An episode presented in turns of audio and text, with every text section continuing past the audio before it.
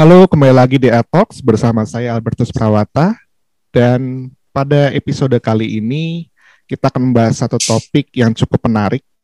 Saya menyebutnya RCD Tour gitu ya. Jadi agak dipleset-plesetkan karena memang topiknya di sini kita akan membahas salah satu atau bukan salah satu ada dua tamu yang akan berbicara menemani saya pada hari ini terkait dengan bagaimana pendidikan arsitektur ini mempengaruhi karirnya atau karya-karyanya yang memang sampai saat ini mungkin mereka berdua tidak melanjutkan atau tidak berada dalam koridor arsitektur. Jadi ini cukup menarik. Uh, ada Onik, halo Onik. Selamat malam. Uh, halo Tes, apa kabar Tes? Halo, malam.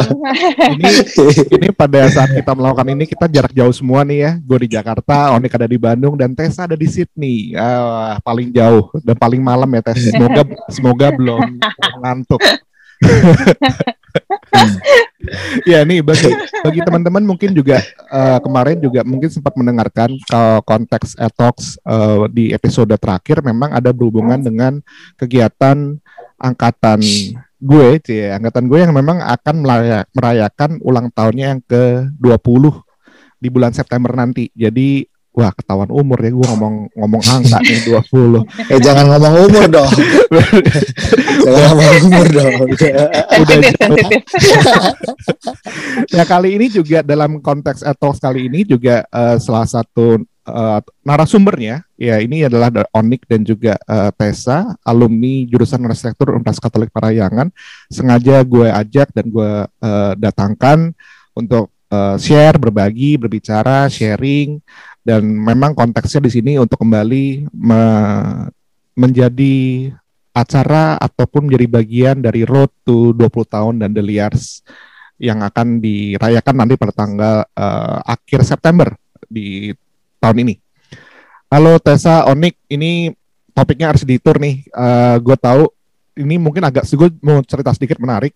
Uh, ya Tessa nih angkatan gue, jadi dari hari pertama sampai uh, lulus ya tahu lah ya selalu bersama-sama. Uh, kalau Onik nih agak agak agak agak unik. Gue tahu Onik itu waktu di kampus di Unpar atau bahkan mungkin ketemunya tuh bisa dihitung sama jari. Bahkan uh. cuma ngelihatnya itu cuma ngelihat karyanya, baik itu karya foto maupun juga mungkin karya uh, eh, SPA-nya gitu ya seperti itu. Nah malah deket sama Onik ini malah setelah lulus mulai ya. di tahun 2012 sepedaan ya 2012 2011an ya kalau 2010 eh, 2010 2010 iya itulah. Uh, lumayan. Jadi ini ya. agak-agak agak unik ceritanya.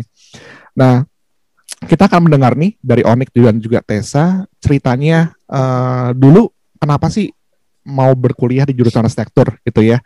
Uh, mungkin secara spesifik di di di Unpar gitu. Siapa dulu nih yang mau sharing? Mungkin Onik dulu ya. Kita mem mem mempersilahkan yang lebih tua dulu ya tes ya. Gue tahu kan masih gue dulu dengan alasan itu. Ayo deh silakan nih oke okay. nah sebenarnya kalau gue dulu masuk unpar ya gue tuh nggak tahu unpar tuh apa. Gue taunya eh temen gue bilang ada tuh di unpar arsitek lu kan suka gambar. Oke deh gue daftar. Eh masuk. Oh, eh, itu sesembel itu gue masuk unpar. Tapi sebelum sebelum masuk unpar gue tahu dulu sih Unpar tuh apaan gitu. Cuman gue nggak tahu sampai sebagus Asia Tenggara dulu gosipnya gitu gue nggak tahu. Oh, lu. Jadi yang penting masuk ada ada jurusan arsitektur yang gue anggap jadi deh gue kan belajar gambar. Gue ikut puslat mekar dulu. Oke. Okay, itu doang okay. sih. Habis okay. itu ujian masuk. Nah baru tahu nih sialan ternyata nggak se yang gue bayangin. Banyak yang terjebak ini ya. eh, iya. Okay. Kalau lu gimana tes? Oh, um, ya pengen kan pengen jadi arsitek cerita aja dulu tuh. Habis itu ya tanya-tanya orang-orang gimana ya kuliah arsitek yang paling bagus ya seperti jawaban yang tadi Onik bilang. Kayaknya semua orang memang emang Unpar tuh brandednya bagus banget kayaknya. paling bagus Asia Tenggara men gimana nggak bagus coba. jadi ya, ya daftar situ dan uh, diterima terus ya masuk. Oke oke. Okay, okay. Jadi memang branding itu ini ya dari dulu. Gue nggak tahu sih sekarang, tapi waktu gue tanya sama Sisi dari sekarang, itu pada bilang sih masih ada tuh kata-kata itu terbaik. mungkin ya, mungkin masih karena gue juga dapat dari Indri kan. Indri kan Hmm. ngajar di sana nih Iya. eh, teman gua ya Heeh. dia masuk dosen tetap kan jadi dia Iya. bilang ya mereka juga dari sisi dosennya pun mereka dipush untuk eh, menjaga integritas itu ternyata Oke, enak ya. kayak kalau apa udah namanya punya emang branding lu itu ya. harus masuk ke Tinggal Iya. dilanjutkan. eh, enak atau beban Iya, bener juga sih. enak atau Iya. beban malah ah, iya iya gitu Oke, thank you. gitu Sip. Ya jadi mungkin hampir sama ya seperti gue juga termakan kalau Onik mungkin nggak tidak termakan dalam tanda kutip ya. Gue sama Tessa bener-bener sebenarnya sama gitu motivasi gue ke motivasi gue mirip sama Onik suka gambar. Nah, suka gambar tapi gue nggak nggak bisa tuh gambar yang sifatnya acak atau kayak teman-teman di sini rupa gitu. Jadi pengen kalau gambar tuh punya penggaris temennya sama penghapus. Jadi kalau salah-salah bisa dihapus. itu motivasi gue gitu. ya jurusan apa lagi? ya jurusan arsitektur gitu. Nah akhirnya lalu eh, bener kalau jurusan arsitektur masuk ke mana gitu ya? Wah langsung ada branding itu. Kalau mau terbaik Asia Tenggara ke Unpar ya. Mau ke mana lagi berarti dan telah, dan masuk gitu untungnya, untungnya. ya. Eh dulu pada waktu masuk udah masuk tadi Onik mungkin sudah sempat memberikan clue gitu ya. Ternyata pada saat masuk tidak seperti yang dibayangkan. Itu kenapa Nik? Bisa berpikiran gitu Nik? Oke, sebenarnya yang gue bayangin tuh kayak ternyata ada mata kuliah matematika juga ini. Ternyata ada ada mata kuliah IBD, ada mata kuliah Pancasila gitu yang menurut gue gue tahu nih dari SD sampai SMA itu lemah di situ gue. gue gak suka ngapal kan, gue gak suka ngapal udah gitu gue lebih suka emang sesuatu yang create gitu ya, eh, gambar ataupun ngarang nggak apa-apa deh gitu. Cuman kan itu kayak IBD apalagi ya menurut gue yang gue baru menyadari sih itu mata kuliah harusnya nggak ada nggak usah masa kayak maksud gue ilmu budaya dasar. Tapi gue baru ngeh sampai sekarang pas gue liat eh, beberapa yang gue tahu catatan gue yang gue temuin tuh kayak kenapa gue ngebahas apa namanya salah satu suku doang. Padahal kan il- ilmu budaya dasar. Itu salah satu hal yang gue ada ketawa-tawa sendiri dan ada wah gue bisa melewatinya gitu. Tapi yang selebihnya itu yang nggak sesuai ekspektasi gue adalah ternyata eh, banyak tapi ini positif sih eh, banyak hal yang membuat gua membuka membuka satu hal baru. Kayak arsitek tuh bukan cuma gambar doang ternyata. Karena kan gue pertama kali SPA 1 kan Pak Ali kan lu tahu Pak Ali? Pak Ali nggak salah. Hmm. Iya betul biasa tapi Pak tapi untungnya Pak Ali tuh sebelah gua. Jadi gua tuh eh, kelompok eh, studio gua kelompok satu sama gua kelompok dua. Nah karena sebelahan banget gue sangat sering dengar Pak Ali ngomong dengan papan dengan pensil merahnya kamu harus punya aura di setiap gambar kamu. Aduh apaan sih ini? Gitu. Ini apaan sih? Gitu. Terus kayak "Ah, apaan sih ini? Terus ya udah akhirnya gue ikutin ikutin sampai lulus gue nggak tahu sih sebenarnya maksudnya apaan. Baru setelah baru setelah gue terjun ke dunia profesi sebagai seniman gitu ya baru tahu. Ya ampun gue baru tahu maksudnya itu. Nah hal-hal yang nggak sesuai ekspektasi tuh kayak gitu-gitu. Banyak hal yang eh, positif sebenarnya sih menurut gue ya. Jadi kayak tiba-tiba ada apres lah tiba-tiba ada kenapa nggak pada kuliah nongkrong di selasar terus kenapa ada mading kenapa ada perang panel kayak gitu-gitu yang kok ada ginian ya? Ini kuliah kan menurut gue kira tuh tinggal yaudah kuliah gambar bikin bangunan masukin gitu ternyata. Ya itu sih tapi ekspektasi di luar ekspektasi gue positif sih walaupun ada negatif banyak. Nektek gue benci banget kayak gitu gitu menarik. lah kalau gue sih Oh, pada saat lu udah masuk itu nih, pada waktu masuk eh dan mungkin ini eh apa ya? a- kepikiran apakah memang nanti oh ternyata arsitek itu jadinya nanti begini nih, gue akan menjadi arsitek nih.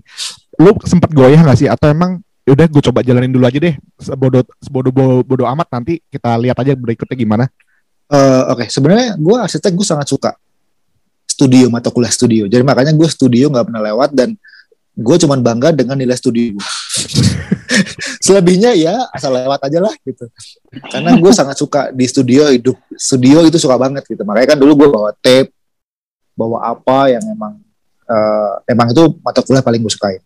Nah, tapi menurut gue eh, gue pas masuk itu banyak hal baru yang gue temuin sebenarnya kearsitekan ilmunya ada tapi ketemu teman-teman lain yang nyeleneh gitu ya yang mem- memanfaatkan keilmuan arsitek untuk keilmuan lain gitu. Wah seru juga ya gitu. Kayak gue ikutan BX tuh dulu kemudian ada apa arsitektur apa di ya arsitektur eksperimental iya, kemudian betul. eh kemudian ada itu dulu ada si Cicit dulu. Ini orang ngapain ya oh bisa juga ya ternyata kayak dia bikin perspektif gambar kerja eh gambar eh SPA gitu pakai pilok gitu. Wah ada ya ada teman ada, ada Gutek lagi gitu. Ada anak ada dulu Adit Pang gitu yang lukis kemudian ada eh, Paul ya dulu fotografi gitu ya kayak kok kenapa anak arsitek kok memanfaatkan kearsitekannya tapi di bidang lain? gitu.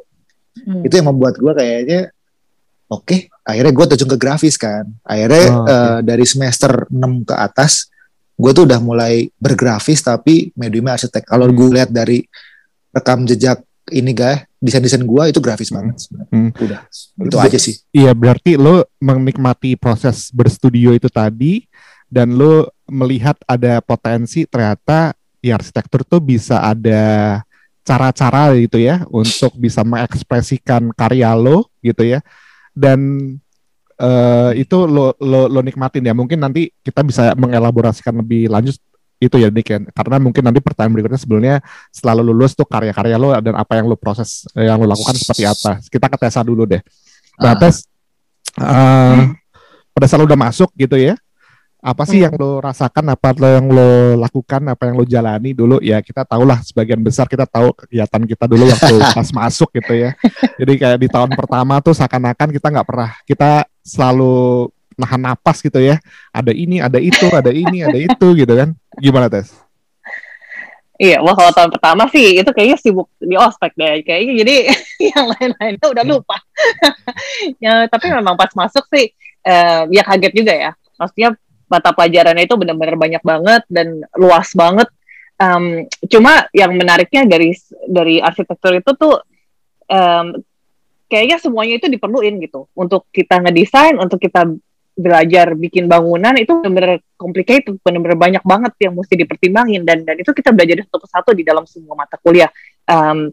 Yang banyak juga yang yang menurut gua nggak nyambung juga sih pada saat itu. Cuman ya kalau misalnya lu uh, pikir em, dari setiap mata kuliah itu pasti ada benefitnya juga untuk untuk arsitektur. Memang kadang-kadang untuk sesuatu yang sangat general kayak Pancasila gitu ya mungkin itu memang karena wajib lah mau nggak mau dipelajarin. Tapi yang lain-lainnya mektek, um, utilitas gitu itu um, meskipun awalnya gua nggak suka, cuman wah ini ternyata benar-benar penting gitu ya karena bangunan itu kan benar-benar fungsinya um, banyak dan dan untuk mencapai itu harus kita harus ngerti semuanya gitu. Jadi memang mau jadi arsitek tuh setengah mati ya, susah banget gitu. Um, waktu pas awal-awal masuk ya. Cuman tambah lama juga kayaknya eh, seru nih, banyak yang dipelajarin, belajar banyak hal baru gitu kan. Um, karena juga gue bener-bener waktu sebelum masuk itu nggak kebayang bahwa di arsitektur ada segitu se- segitu banyak yang mesti dipelajari. Ternyata eh, ya seru sih dan dan em, kalau misalnya tadi Onik banyak ngelihat oh ternyata bisa jadi ini bisa jadi itu kalau gue kayaknya malah terbalik. Kalau gue mikirnya oh ini kayaknya gue pengen jadi arsitek nih gitu. Waktu pas pas lagi kuliah nih sangat idealis ceritanya gitu. Mulia mulia Ah. mulia. iya oh ya Berarti, berarti belum belum bertemu dunia nyata. Kata kuncinya itu kayaknya. iya iya iya iya Oke, berarti begitu masuk, berarti udah punya oke, gua mau jadi arsitek nih, udah tahu oh arsitek tuh pola-pola patternnya gini. Lu juga belum belum belum menjawab itu Snik. Jadi kalau lu lebih cenderung gue masih mau jadi arsitek, tapi mungkin gue masih mau explore dengan cara-cara yang metode atau media-media lain. Tadi, tadi gitu ya nih, kurang-kurang lebih ya. Iya sebenarnya sih gue eh, gini gue eh, itu yang gue alamin sih ketika berarsitektur gue sangat jenuh dengan arsitektur itu udah semester 6 itu kayak gue gue percaya percaya nggak percaya gue tuh sampai lulus nggak bisa AutoCAD gitu aja. Sampai lulus gue nggak bisa nggak bisa digital. Jadi gue sampai SPA eh tugas akhir pun SAA ya itu SAA, gambar ya. gue cuman gambar gue cuman 11 biji. Tapi segede-gede pintu. Jadi satu gambar gue 11 biji jadi cuman gue pemasukan tuh 11 lembar doang eh tapi satu lembarnya tuh ukurannya tuh satu kali dua meter ada 11 lembar wah dewa gitu Ini gue gue bener-bener ini ya, ilmu-ilmu TM semua kayaknya dipakai semua ada pokoknya. ada Agak.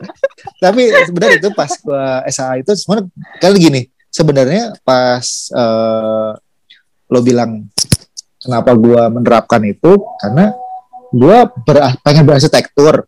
Gue pengen ngambil kerennya arsitek aja sebenarnya. Gue sangat suka dengan kata arsitek. Gue tuh pertama itu gue suka dengan kata arsitek.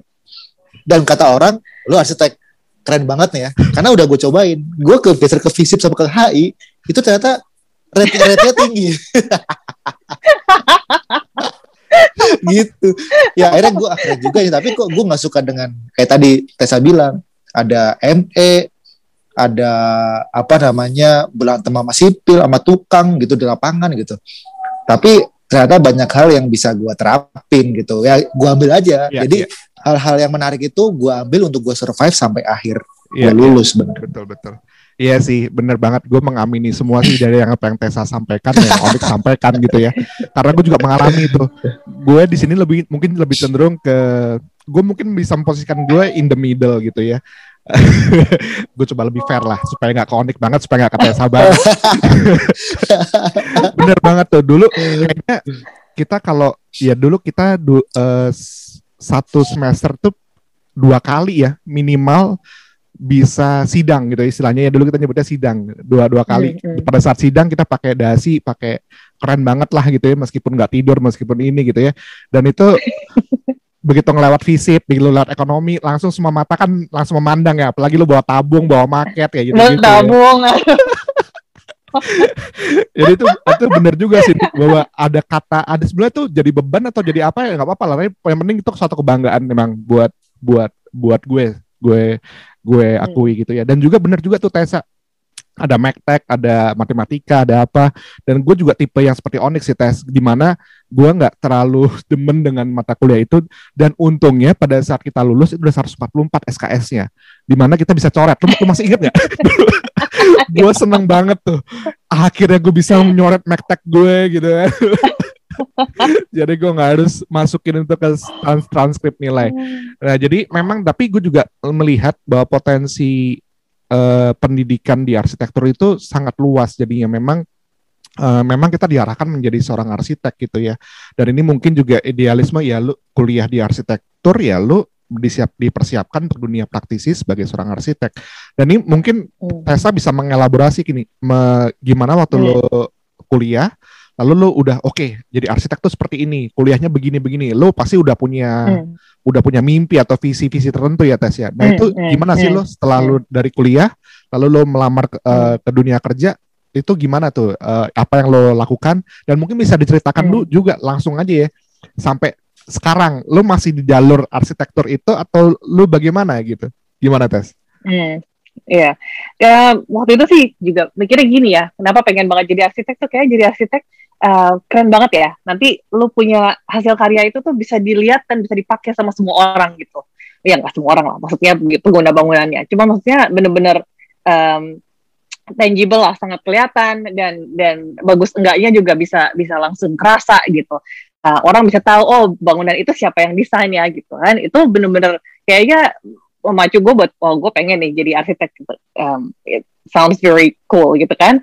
Terus ya udah habis itu um, belajar belajar lulus kuliah um, sempet kerja jadi oh gue sempet jadi asdos juga waktu itu di Unpar sebetulnya.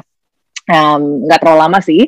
Um, dan gitu juga sempat kerja di biro juga waktu di Unpar eh, waktu udah um, ini di, akhir, ini di Bandung ya tes semua di Bandung ya? di Bandung okay. ya di Bandung. Terus udah gitu um, kerja sebentar lah ya mungkin kira-kira hampir setahun setahun lebih Um, terus kebetulan memang habis itu ada um, kesempatan untuk ambil um, S2 dan uh, waktu itu um, gue riset untuk coba belajar lagi dan um, kepengennya sih untuk memperluas wawasan gitu ya. Karena kan um, pada saat itu gue juga pikir gitu pas pas kerja di di biro ini bahwa namanya mau jadi arsitek itu uh, kita juga harus um, gimana ya biro arsitek itu dihidupi dengan adanya proyek gitu kan?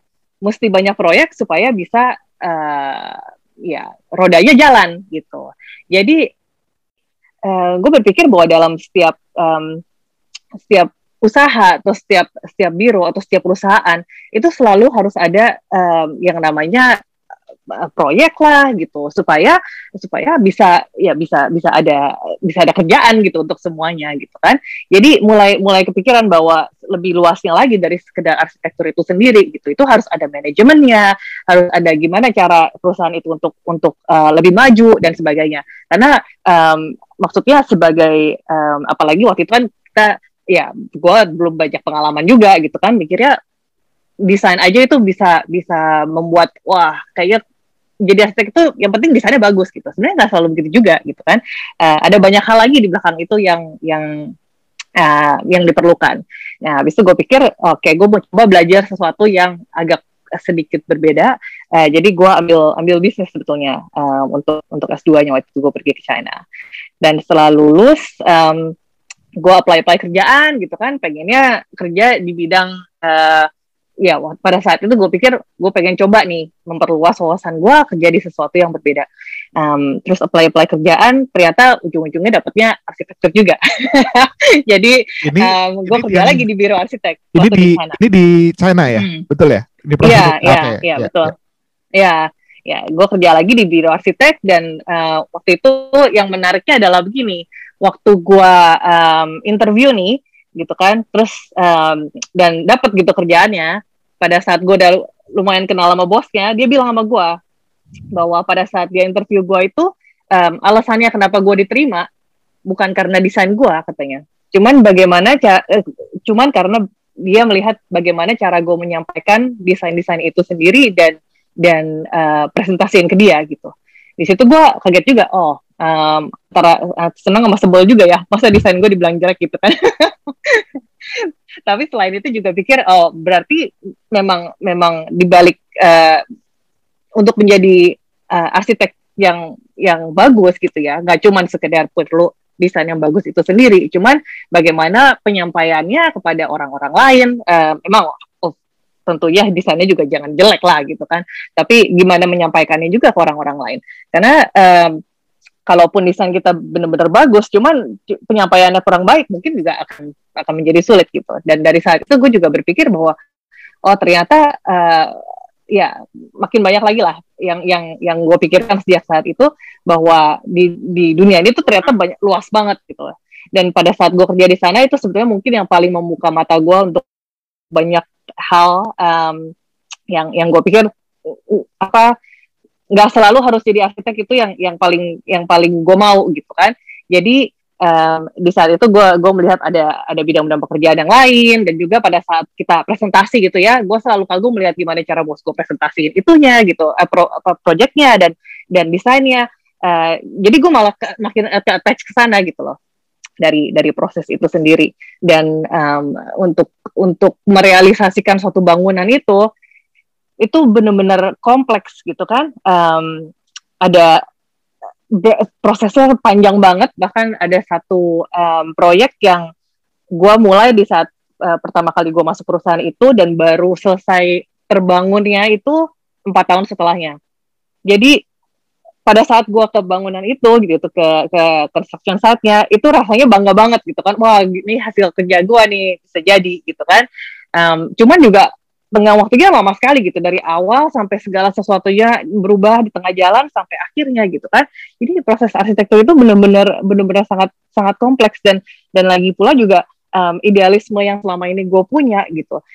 Pada saat kita bekerja itu nggak nggak selalu bisa kejadian karena um, ya begitu banyak hal yang yang mempengaruhi suatu produk itu sendiri gitu kan antara dari dari segi uh, fungsinya, ekonominya, estetisnya gitu dan dan pada akhirnya uh, yang realistis lah yang bisa yang bisa jadi gitu. Jadi um, mulai belajar banyak lah gitu dan dan itu sebetulnya yang mungkin paling membuka uh, mata ya untuk untuk dalam segi pengalaman gitu. Menjawab pertanyaan lo nggak ber? Iya iya. Kepanjangan ya? Iya iya. Nggak nggak. Jadi emang gue melihat bahwa lu dari hmm. lulus dan cukup lama ya sebetulnya bisa dibilang ya mungkin nggak sampai 10 tahun juga mungkin di antara range 5 6 tahun mungkin ya lo berpraktek sebagai seorang yeah. arsitek gitu ya kurang lebih ya. Nah, di titik apa sih yeah, tes lo memutuskan hmm. untuk gue mau mencoba yang ini leh yang yang mungkin bukan arsitektur di mana lo sekarang ya mungkin lo bisa sambil sebutin juga ya, hmm. ya lo sekarang bekerja di mana apa yang lo lakukan hmm. itu itu titik yeah, apa yeah, sih titik titik titik apa lo apa merasakan itu atau memutuskan itu nggak ada titik-titik apa juga sih jadi itu kayaknya semuanya ya natural aja gitu nggak ada nggak ada satu poin yang oh kayaknya gue dapat wangsit enggak juga. Wangsit. Yeah. di sini ada wangsit ya?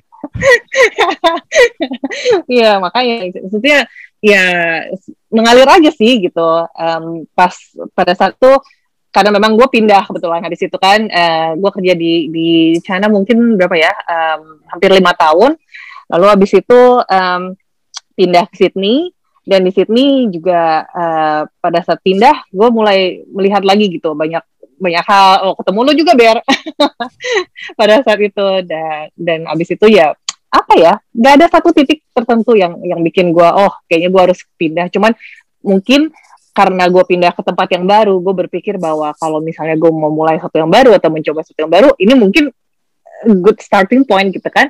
Kalau misalnya kita ada tempat yang baru kan jadi berniat gitu untuk coba-coba yang hal-hal yang baru. Nah habis itu ya jadi gue uh, mulailah mencoba kerja gitu kan di bidang yang lain.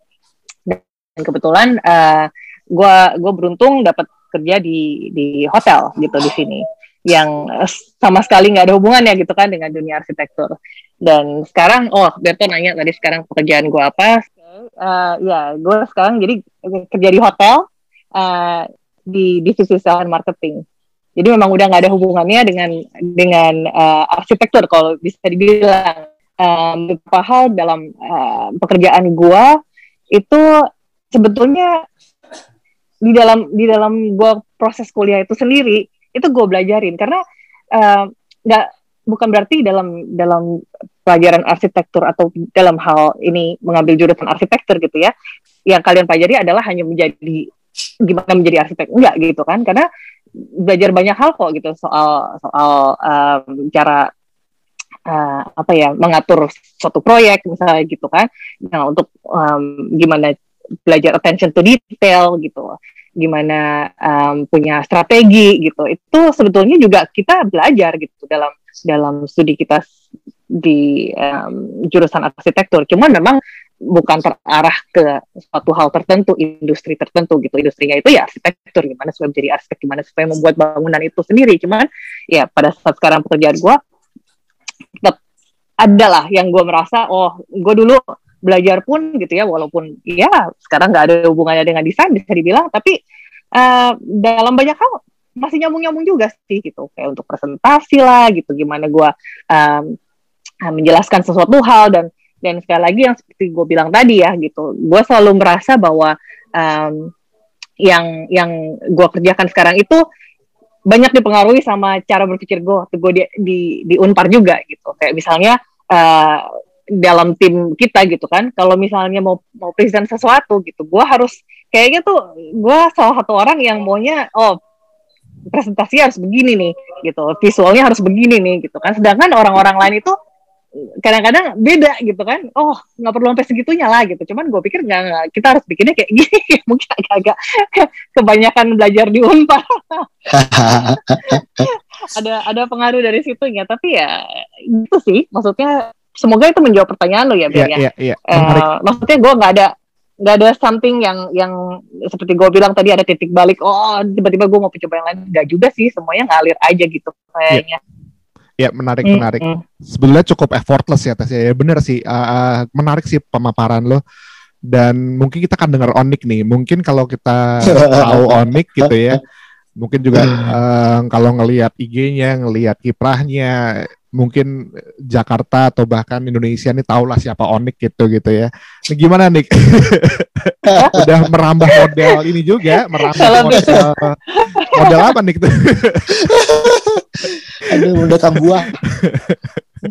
Gimana nih kalau menurut lo uh, ya uh, apa lah ya istilahnya karir lo ya setelah lo lulus hmm. apa yang lo lakukan apakah lo jadi berkiprah di, di apa ya udah udah pasti sekarang lo udah udah nggak berkiprah di dunia arsitektur ya uh, tapi gimana sih ceritanya dari ya. awal lo kuliah selesai kuliah gitu ya sampai sekarang seperti apa yang pertama sih gue masih emis aja gue bisa lulus kuliah Karena gue nggak mengingat apa pun mata kuliah yang gue pelajarin kecuali studio asli. Gue nggak mengingat itu doang. Gue cuma mengingat apa yang ada di studio. Itu serius. Kemudian uh, kalau gue habis lulus tuh sebenarnya gue sempat mencoba jadi arsitek kan gue sempat dulu ikutan satu proyek lah ada Hmm. proyek di Hmm. Purwakarta gitu terus akhirnya gue cuma bertahan enam bulan gitu dan itu udah kemudian pas gue merit gue ke Jakarta nah di Jakarta gue mencoba untuk freelance jadi interior designer buat inilah buat apartemen kan dulu lagi musim apartemen tuh gitu itu juga menarik. Gue tuh gak ada portfolio cuman temennya bini gue bilang Onik nih dari Unpar nih pasti bisa. Terus gue bilang emang apa hubungannya? Gue dari Unpar pasti bisa. Akhirnya kayak boleh deh saya coba. Gitu. ternyata nggak semudah itu loh. Akhirnya proyek kedua gue pikir kok gue nggak menikmati ya? Itu titik kalau tadi Tessa nggak ada titik baliknya gue ada titik baliknya. Emang karena gue udah menyadari dengan jelas gue nggak menikmati eh, arsitektur secara profesi gitu. Akhirnya gue apa namanya eh, jadi graphic designer kemudian kerja di satu studio kecil dulu kemudian gua motret juga gue terusin kemudian berkarya. Nah tiga hal stepping stone itu sebenarnya satu kuncinya ya satu benang merahnya. Semua orang bilang eh, dulu grafik grafik grafik gua apa namanya arsitek banget fotografi karya-karya gua arsitek banget sampai instalasi gua arsitek banget. Yang secara nggak langsung ya gue nggak sadari sih sebenarnya eh, apa namanya gue tetap gue bilang gue masih gue masih bisa bilang gue tetap berarsitektur. Jadi kayak eh, walaupun medium gue eh, grafis medium gue fotografi medium gue instalasi kesenian gitu ya ternyata gue berarsitektur gitu. Jadi kalau tadi nanya gue sekarang ngapain? Itu dia gue lulus berarsitektur gak suka berarsitektur eh, secara profesi akhirnya gue beralih berarsitektur dengan medium lain gitu. Yang sekarang profesi gue ya graphic designer eh sorry designer sama eh seniman gitu. Itu aja sih ya kayak lo tahu toh gitu. Sama plus model ya. karena model, ya juga model tuh pak. Tambahan aja pak Asik. gitu. Tapi satu kuncinya tuh kayak eh satu kuncinya ya gue tuh sangat sangat pede karena gue dari unpar arsitektur unpar. Beneran. Jadi ketika dulu kuliah di mana? Saya dari arsitek arsitek mana unpar? Wah. Gitu. Tapi itu yang membuat gue selalu pede ketika ketemu orang-orang baru ataupun calon klien baru atau dikenalin temen ke calon klien gitu ya. Itu bener-bener kayak karena gue lulus dari unpar. Itu beneran arsitek sorry arsitek unpar. Gitu. Bukan unparnya ya. iya arsiteknya. Tapi ketika kunci. ketika gue keliling-keliling gitu sangat banyak eh, pas gue eh, kuliah di mana? Unpar. Oh saya juga unpar. Itu udah angkatan berapa? Angkatan 87 unpar angkatan 91 dan profesinya bukan arsitek. Ada Pak Bin eh, yang punya Nadi Gallery ya bosnya Nunu gak tau mungkin kenal. Itu eh, anak 8 eh, arsitek 87 85 87 sekarang mengelola jadi mengelola galeri bikin galeri Nadi Gallery namanya.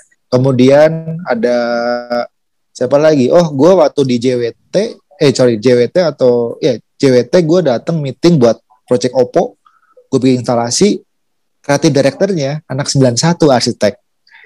Awalnya tegang Hmm. banget tegang tegang gitu. Terus pas bilang udah kelar semuanya persidangan kelar ngobrol. Emang dulu kuliah di mana? Gini SR enggak saya arsitek unpar. Meeting berikutnya agak slow. Gitu terus kemudian gue ke satu perusahaan multinasional lainnya gitu. Ngobrol-ngobrol gue masuk meeting karena gue pitching menang di, di meetingin lah gitu. Pas ngobrol ada anak 2000 ada anak 97 arsitek eh, unpar. Gitu. Jadi itu yang membuat gue kayak mungkin gue eh, berprofesi selain arsitek tapi gue ketemunya anak-anak arsitek dan gue masih merasa arsitek gitu walaupun ya sebenarnya gara-gara gue nggak arsitek tuh apa objek arsitek gitu loh Iya, iya. itu sih toh sebenarnya toh Iya, iya, menarik, menarik. Ya, ini gue juga eh, mungkin kalau eh, tahu eh, tahu lah gitu ya kiprahnya Onik dulu waktu awal-awal sepedaan dari awal banget jadi fotografer lalu sampai Ya. sekarang eh, berkarya ada sebagai seniman dan juga punya ada studio studio dan juga ada ada ruang seketikanya juga gitu ya. Eh, ini sih Nick apa apa yang menurut gue konsistensi lo di dunia kreatif ini uh, menurut gue luar biasa gitu ya. Dalam artian dan memang karya-karya lo memang kelihatan sih. Yaitu kayak prinsip-prinsip buku dekacing kayak semua ada tuh di ada ada ada ada di gitu. yeah. semua iya yeah. dan ya ini jadi satu hal yang menarik sebetulnya bahwa sebetulnya landasan pendidikan arsitektur itu uh, bisa menjadi satu pondasi untuk uh, sebetulnya tidak harus menjadi arsitek gitu ya bahwa ini bisa membawa kita menjadi apa pun itu profesinya bisa apa apa saja dan mungkin juga dulu waktu zaman kita kuliah mungkin kita belum kebayang ya bakal kita akan seperti ini gitu ya. Bahkan mungkin gue juga nggak nggak hmm. nggak kebayang ternyata gue bisa punya sertifikasi arsitek juga gitu. Bahkan gue sekarang bisa ngajar. Gue juga kagak kebayang sih gitu. Mungkin juga Tessa mungkin Tessa atau juga sama mungkin mungkin ya. Uh, artinya memang uh, apalagi yang sekarang gitu ya kita udah punya undang-undang arsitek lalu udah jelas lah. Dulu mana kita kalau misal dulu tes ya PPAR udah ada, gue rasa lu pasti hmm. ngambil PPAR ya tes pasti kan kayaknya, yeah. ya kan? gue pun juga yeah. sama kayaknya. Dulu kalau PPAR udah ada, kayaknya udah jelas. Oh ya, gue mau jadi arsitek, gue pasti akan ngambil gitu uh, sebagai arsitek. Nah sekarang pun juga sepertinya akan lebih lebih spesifik, lebih fokus bahwa kalau mau jadi arsitek, jalurnya sudah ada, sudah jelas. Kita punya organisasi profesi yang akan mengaturnya dengan sesuai dengan undang-undangnya. Tapi juga sebetulnya berkuliah di arsitektur tidak harus menjadi arsitek juga karena apalagi dengan hmm. program kampus merdeka sekarang mungkin tes lu juga tahu bahwa ada beberapa di di semester tertentu nanti ya ada spesifikasi atau ada dedicated SKS gitu ya yang yang hmm. bisa diambil yang tidak berbau arsitektur itu nanti akan seperti itu kurang lebih.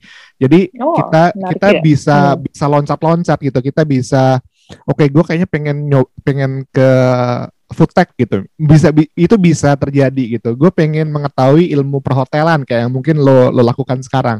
Gue mau mengetahui uh, ekonomi bisa. Itu uh, akan ada kemungkinan seperti itu sampai uh, sekarang. Jadi lulusan mahasiswa sekarang sepertinya akan kaya gitu ya dengan knowledge knowledge baru yang mungkin dulu hmm. kita nggak alami ya. Dulu kayak kita kan kasih kacamata kuda ya udah pokoknya itu lo lakuin ya lo pasti akan hmm. gitulah gitu ya sekarang sepertinya tidak ya. tidak seperti itu.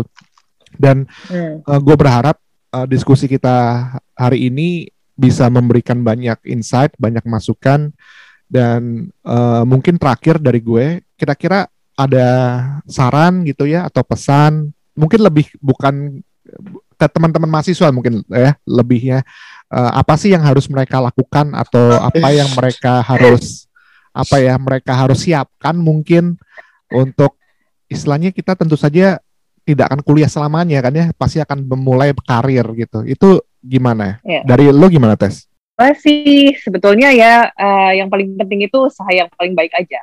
Jangan berpatokan bahwa uh, nanti pada saat kalian lulus gitu, um, kalau nggak jadi arsitek itu berarti gagal gitu jangan sampai punya punya cara berpikir begitu karena sebenarnya yang paling penting itu proses belajarnya sekarang untuk uh, untuk lulus kuliah dan pada saat itu mungkin kalian akan sadari bahwa di dunia luar itu banyak banget yang bisa dikerjakan.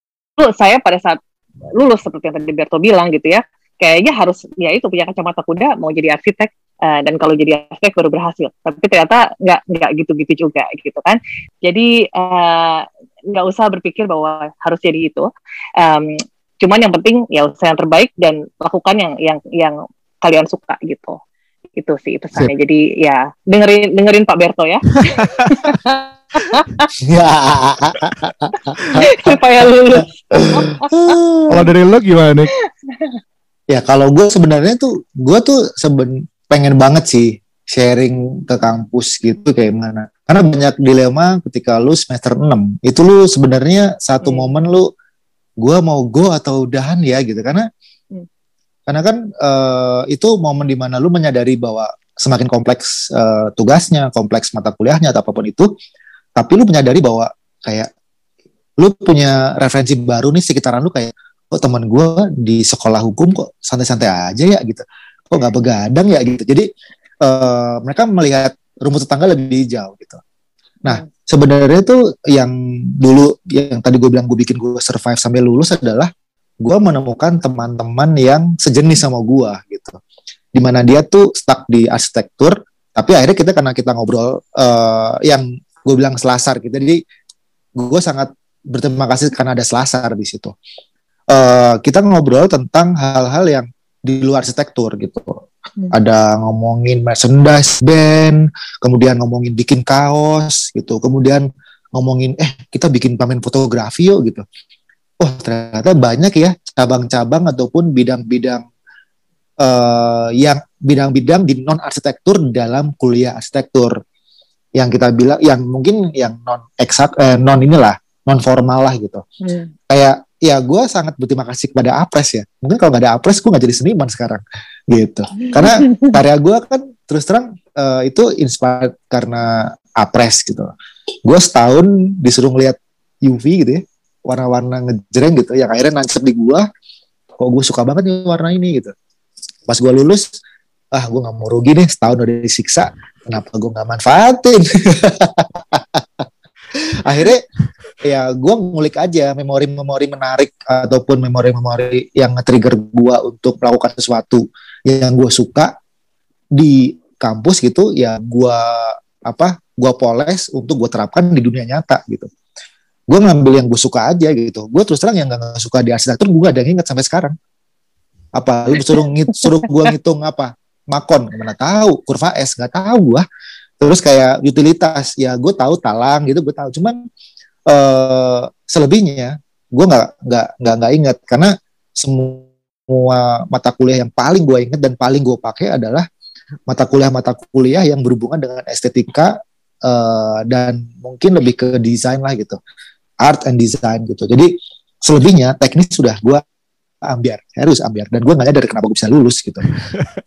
Nah kalau pesan gue ya kalau pesan gue buat yang masih berkuliah di arsitektur gitu ya menurut gue ambil keilmuannya jangan ambil apa ya keprofesiannya lah kalau lu pengen gak yakin lu sebagai hmm. arsitek lu ambil keilmuannya aja karena gue sangat yakin hmm. ilmu arsitek itu paling lebar cakupannya lu mau kerja di bank bisa mau mau jadi apa pun bisa hmm. gitu itu beneran gitu dan itu jangan sampai ngerasa ah gue pindah kali ya arsitek gini-gini banget ya. enggak arsitek tuh menurut gue ya gue bisa bilang gue kecemplung di arsitek itu uh, satu hal yang menguntungkan buat gue gitu. Gue sangat beruntung lah kecemplung di arsitek karena ngebantu banget dengan apa yang gue kerjakan sekarang. Gue bisa baca ruang di karya gue gue bisa baca ruang untuk uh, apa eh gue bisa baca bahan gue bisa baca kayak sekarang gue lagi bikin karya di Asta gitu ya.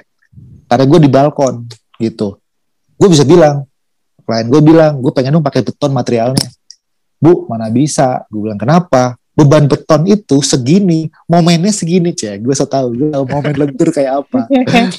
Tapi kepake karena kan balkon tau sendiri kan strukturnya emang bukan gue gak yakin itu akan disiapkan untuk material berat. Oh gitu ya? Iya jadi pakai gini aja. Oke okay, gitu. Jadi hal-hal kayak gitu yang keilmuan itu yang akhirnya gue pakai bukan keprofesiannya. Gitu aja sih. Yes. Yes, yes, yes. Gitu, Perto. Ya, siap, siap, siap. Ya, ini udah kayaknya udah terlalu lama juga, udah kelamaan. Uh, dan ini mungkin terakhir udah eh, terakhir terakhir mulu dari tadi. Ini terakhir benar-benar terakhir deh janji. Kan ini belum gosip loh. Ini kita uh, belum gosip. Nanti itu tapi gimana aja. Off air aja. Ini uh, mungkin untuk teman-teman tahu uh, kalau gue sering di kampus cerita mengenai sosok seorang teman gue seangkatan yang kalau dia nggak bisa begadang ini orangnya ada di sini yang namanya Tessa ini gitu ya. Jadi mungkin gue mau denger dari cerita lo nih Tes mungkin ya. Ya patokannya lu ya bisa dibilang dulu di angkatan uh, inilah apa namanya rajin. Kalau catatan tuh selalu paling dicari gitu ya. Kalau mau mau ujian tuh catatan lo pasti malu. laku pasti laku di James tuh. Pasti catatan di James. ada. James. Tempatnya James. tinggal ini tinggal minta ke James James catatannya Tessa gitu pasti ada gitu ya. Nah uh, bahkan lu nih nih biar lo yang jawab ya biar biar biar pada percaya. Emang lu nggak bisa nggak bisa begadang ya? Artinya lu ngantuk di jam-jam tertentu sehingga lu jam 10 itu udah harus tidur sehingga lu bener-bener uh, ya itu amazing sih gue bener aja. Karena biasanya gue gue bercerita jam 10 tuh gue baru baru makan indomie baru mulai motong market jam 11 jam 12 sehingga gue nggak tidur besoknya jam 7 udah harus presentasi gitu. Nah lu ceritain dong gimana? Itu bener bener bener seperti itu tes gue tuh orang suka tidur banget terus tapi uh, ya sejak masuk arsitek mau nggak mau lah ya kalau misalnya besoknya pemasukan ya harus usahain lah minum kopi berapa banyak gitu sampai bisa rada-rada melek walaupun ketiduran juga gitu. jadi ya mau nggak mau sih tapi tapi lu jarang begadang kan istilahnya Iya bisa dibilang mungkin lebih jarang daripada daripada orang-orang daripada orang lain umumnya. Iya jadi jawaban gue benar ya jadi jadi artinya sebenarnya bagi tidur waktu. itu penting loh. Iya, iya. sekarang tes bagi bagi gue sekarang iya. Dulu enggak. Ya ya ya ya ya. Ya ya ya, ya. kalau sekarang gue ngerasain penting. Tapi kalau gue enggak sih. Nah tapi kalau lagi normal-normal aja gue tuh tidur paling 4 jam 5 jam. Gitu Oh, oke. Okay. Nah, kenapa? Oh. Karena menurut gua menarik juga ya? tidur, ya. Iya, karena menurut gua tidur tuh gitu-gitu aja. Lu mau ngapain tidur deh, pasti gitu aja. Tau gak sih? Kayak ah mendingan gue bangun, gue bisa gini gini gini gini gitu. Tapi nggak bisa tuh. Gak bisa tuh. Gue nggak bisa yang panjang gitu. Gak bisa, gak bisa gue yang panjang gitu tidur 8 jam. Gue bangun sakit badan. Terus habis itu kayak, aduh, gue 8 jam ngapain tadi ya gitu. Gitu beneran. Makanya tanya yeah, yeah. gue jam satu jam 12 tidur, jam 5 Per, berangkat nih. Nah, iya. gitu. Wah, canggih. Bener, bener. Bener. Onik tuh salah satu alarm gue kalau jalan. gitu. Iya, iya, iya, iya. Ya memang jadi pada intinya sih kembali ke masing-masing sih sebetulnya ya. Ya intinya ya uh, Ya gimana cocoknya aja, nggak ya, ada yang benar nggak ada yang salah. Betul. Dan uh, mungkin ya untuk menutup, gue tadi menggarisbawahi yang kata Tessa terkait dengan presentasi atau soft skill mungkin ya. Ini juga penting mungkin ya untuk bisa dikembangkan karena bagaimana lo menjual, bagaimana lo uh, bahkan Onik dengan yang 11 gambarnya tadi bisa meyakinkan dosennya itu pasti ada soft skill tertentu komunikasi yang ada. yang harus dilatih gitu ya. Hmm. Karena memang uh, in the end memang it's not just about the product gitu ya bukan lo buat 50 gambar lo pasti akan beres tapi bagaimana lo bisa hmm. sebenarnya ide ya uh, how to yeah. Ya. uh, apa bisa menembak secara tepat ide lo itu apakah hmm. itu bisa mau pakai 10 slide presentasi atau bahkan satu slide presentasi seperti yang lo tekankan mungkin hmm. tadi Tessa menyampaikan orang lain nggak ada yang berpikiran seperti ini tapi gue punya cara pemikiran yang mungkin lebih efisien yang orang lain nggak bisa melihat jadi itu menjadi jadi jadi senjata juga sebetulnya nah itu juga penting dan itu memang gue uh, ke teman-teman mahasiswa sebetulnya itu menjadi sangat penting. Bahkan gue suka membandingkan hmm. kalau mau presentasi coba deh lihat presentasinya Steve Jobs gitu. Di atau lihat presentasinya Apple event gitu ya. Itu menurut gue jelas salah satu patokan. Luar biasa. Luar biasa. Beda beda. Jadi jangan lihat presentasi arsitek lah lihat presentasinya Apple event lah gue rasa. Itu menurut gue jadi salah satu yeah. contoh patokan gitu. Terima kasih Onik. Terima yeah. kasih Tessa atas waktunya uh, udah panjang menemani sama-sama um, di Atrox ini. Nanti Onik ada special undangan invitation khusus ya Nick ya untuk nanti hadir di acara kita di acara kita. Oh mantap, mantap. Iya nanti. Iya. Uh, boleh. Kita rencana memang karena konteks pandemi sebetulnya ya uh, disayangkan ya, tapi karena konteks pandemi ini kita akan melakukan secara online nanti. Uh, terima kasih juga buat kesempatannya buat teman-teman dan Deliars yang sudah memberikan kepercayaan pada gua untuk menjadi salah satu pengisi acara ataupun juga sebagai salah satu uh, event acara Road to 20 tahun dan Deliars melalui media podcast ini. Sekali lagi terima kasih Onik, terima kasih Tessa, sehat-sehat, jaga kesehatan, semoga Sama-sama. bisa sama-sama. Nanti kita ke Sydney, Nick jangan lupa kita Four Season ada Tessa. Padahal kita kita ada ada wacana mau ke Sydney ya. Eh, amin. Pokoknya amin. Segera. sepedaan, sepedaan, sepedaan. Oke, terima kasih.